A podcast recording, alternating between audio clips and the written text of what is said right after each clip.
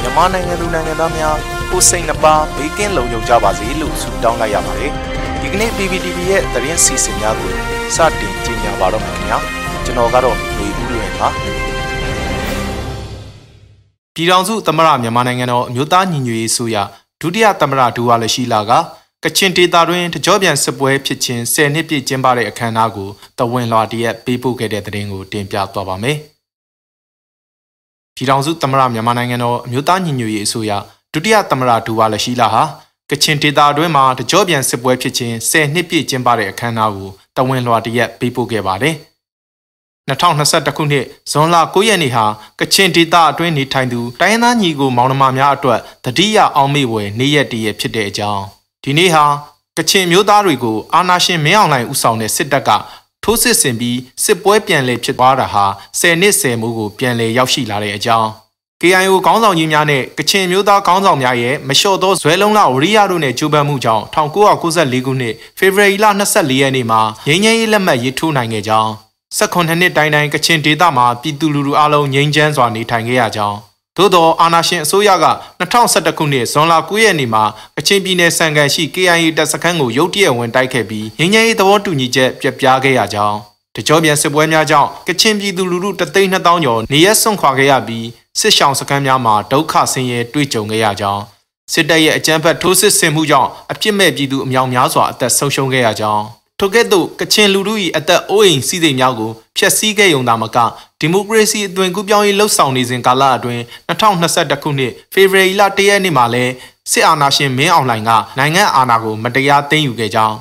ဒါကြောင့်2021ခုနှစ်ဧပြီလ16ရက်နေ့မှာလွတ်တော်ကိုယ်စားလှယ်များတိုင်းရင်းသားလက်နက်ကိုင်အဖွဲ့များ CDM အာဏာဖီဆန်လှုပ်ရှားမှုအဖွဲ့များနဲ့ စစ်တပ်နဲ့ပူးပေါင်းခြင်းမပြုတဲ့နိုင်ငံရေးပါတီများပါဝင်တဲ့အမျိုးသားညီညွတ်ရေးအစိုးရ NUG ကိုဖွဲ့စည်းနိုင်ခဲ့ကြောင်းအမျိုးသားလွှတ်တော်ကိုစားပြုကော်မတီ CRPH အနေနဲ့လည်း2008ဖွဲ့စည်းပုံအခြေခံဥပဒေကိုဖျက်သိမ်းခဲ့ပြီးအမျိုးသားညီညွတ်ရေးအစိုးရ NUG သည်လည်းအကြမ်းဖက်အာဏာရှင်စစ်တပ်ကိုမြမမြေပေါ်မှဖျက်သိမ်းတွန်းလှန်ရေးကိုအဓိကထားလှုပ်ဆောင်နေကြပြီဖြစ်ကြောင်း အာဏာရှင်စနစ်ပြတ်သုံးရေးအတွက်မူဝါဒရေးရာများမဟာဗျူဟာများဒီမိုကရေစီကိုလိုလားတဲ့နိုင်ငံတကာအတိုင်းအဝန်းများနဲ့ချိတ်ဆက်ဆောင်ရွက်မှုများပြည်တွင်းပြည်ပတိုင်းရင်းသားပြည်သူလူထုများ၏စုပေါင်းအားများဖြင့်အဖက်ဖက်မှကြိုးပမ်းလှုပ်ဆောင်လျက်ရှိကြောင်းအာဏာရှင်တော်လှန်ရေးခီးတွင်ကချင်လူထုကလေးစားအားကိုးသည့် KIO အနေဖြင့်လည်းလူထုတရက်လုံးနှင့်အတူရပ်တည်ပြီးအမျိုးသားစည်းလုံးညီညွတ်မှုကိုရှေ့ရှုလျက်အမှန်တရားဘက်မှရပ်တည်ခဲ့ပြီးဖြစ်ကြောင်း ထို့ကြောင့်အမောင်ကာလကိုအတူတကွကြော်ဖြတ်ပြီးနောက်အလင်းခေဟာကျွန်ုပ်တို့လက်တကမ်းကိုရောက်ရှိလာတော့မည်ဖြစ်ကြောင်း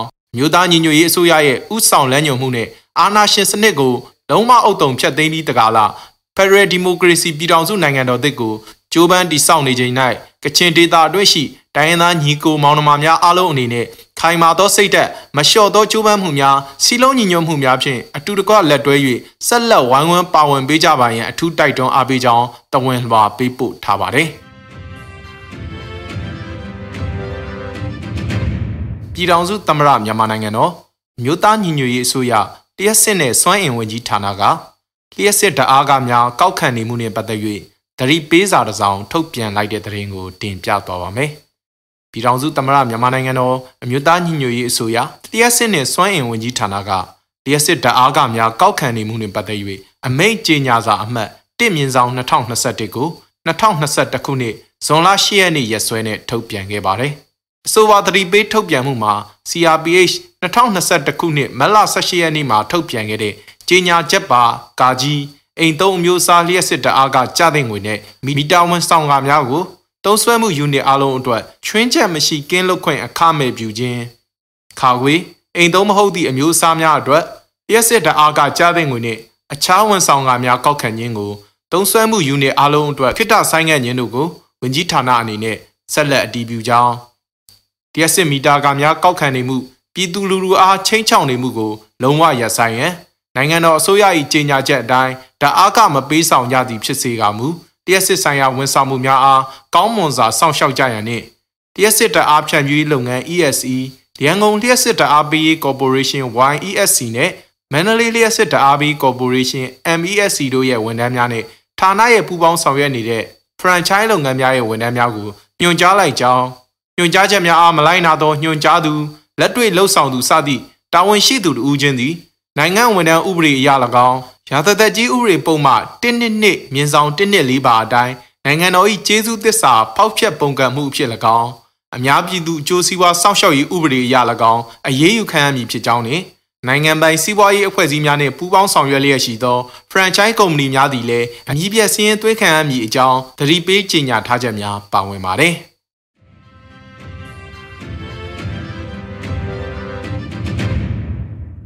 ဆက်လက်တင်ပြသွားမယ့်သတင်းကတော့ ဂျပန်အောက်လွှတ်တော်မှအကြမ်းဖက်စစ်ကောင်စီအားလက်မခံကြရန်ဆုံးဖြတ်ချက်ကိုအတည်ပြုခဲ့တဲ့သတင်းဖြစ်ပါတယ်။မြန်မာစစ်တပ်ရဲ့အကြမ်းဖက်မတရားအာဏာသိမ်းမှုကြောင့်မြန်မာဒီမိုကရေစီပြုပြင်ပြောင်းလဲရေးအတွက်ကြိုးပမ်းမှုများနဲ့မျှော်လင့်ချက်များကိုနင်းချေခဲ့တဲ့အတွက်ဂျပန်ဒိုင်ယက်အောက်လွှတ်တော်ညနာဆုံကြီးအစည်းအဝေးမှာအကြမ်းဖက်စစ်ကောင်စီအားရှုတ်ချပြီးလက်မခံကြရန်ဆုံးဖြတ်ချက်ကိုအောက်လွှတ်တော်ကအတည်ပြုခဲ့ပါတယ်။မြန်မာစစ်တပ်များရဲ့အာဏာသိမ်းမှုဟာ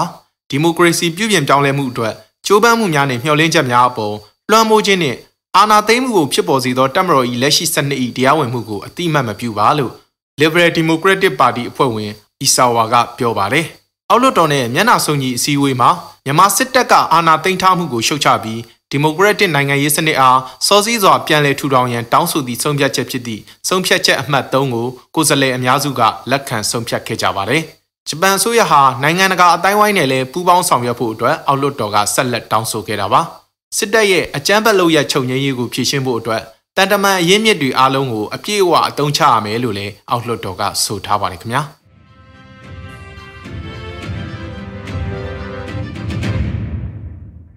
ဆက်လက်ပြီးမြန်မာဒီမိုကရေစီအရေးကြိုးပမ်းမှုအတွက်တောင်ကိုရီးယားလွှတ်တော်အမတ်60ဦးပါဝင်တဲ့အဖွဲ့ဖွဲ့စည်းတဲ့သတင်းကိုတင်ပြသွားပါမယ်။ဇွန်လ9ရက်နေ့ဒီနေ့မှာတောင်ကိုရီးယားနိုင်ငံရဲ့အာဏာရပါတီနဲ့အတိုက်ခံပါတီမှလွှတ်တော်အမတ်60က မြန်မာပြည်ငြိမ်းချမ်းရေးနဲ့ဒီမိုကရေစီပြန်လည်ရရှိရေးအတွက်လွတ်တော်အမတ်များအဖွဲ့အားဖွဲ့စည်းလိုက်တာပါအဆိုပါအဖွဲ့မှာလက်ရှိအာဏာရပါတီဖြစ်တဲ့ဒေါ်ဘူးလောမင်းကျူးပါတီကလွတ်တော်အမတ်48ဦးဂူမင်းရဲ့ဟင်ပါတီမှ4ဦးဂျာဝီပါတီမှ2ဦးနဲ့ဂူမင်းရဲ့ပါတီမှ2ဦးပါဝင်ပါတယ်လွတ်တော်အမတ်များအဖွဲ့ဟာမြန်မာပြည်သူများအားလူသားချင်းစာနာတဲ့အကူအညီများထိရောက်စွာပေးအပ်ခြင်းမြမအရေးအားနိုင်ငံတကာရဲ့ပူးပေါင်းပါဝင်မှုအားကောင်းလာစေရန်ကြိုးပမ်းခြင်း တောင်ကိုရီးယားနိုင်ငံရှိမြန်မာများအားအထောက်အကူပြုစေမဲ့ဥပဒေများပြဋ္ဌာန်းခြင်းမြန်မာပြည်ရှိကိုရီးယားနိုင်ငံသားများနဲ့ကိုရီးယားပိုင်လုပ်ငန်းများအရေးအားဖြည့်ရှင်းခြင်းစသည်တို့ကိုကြိုးပမ်းဆောင်ရွက်သွားမယ်လို့ထုတ်ပြန်ကြေညာထားပါတယ်ခင်ဗျာ။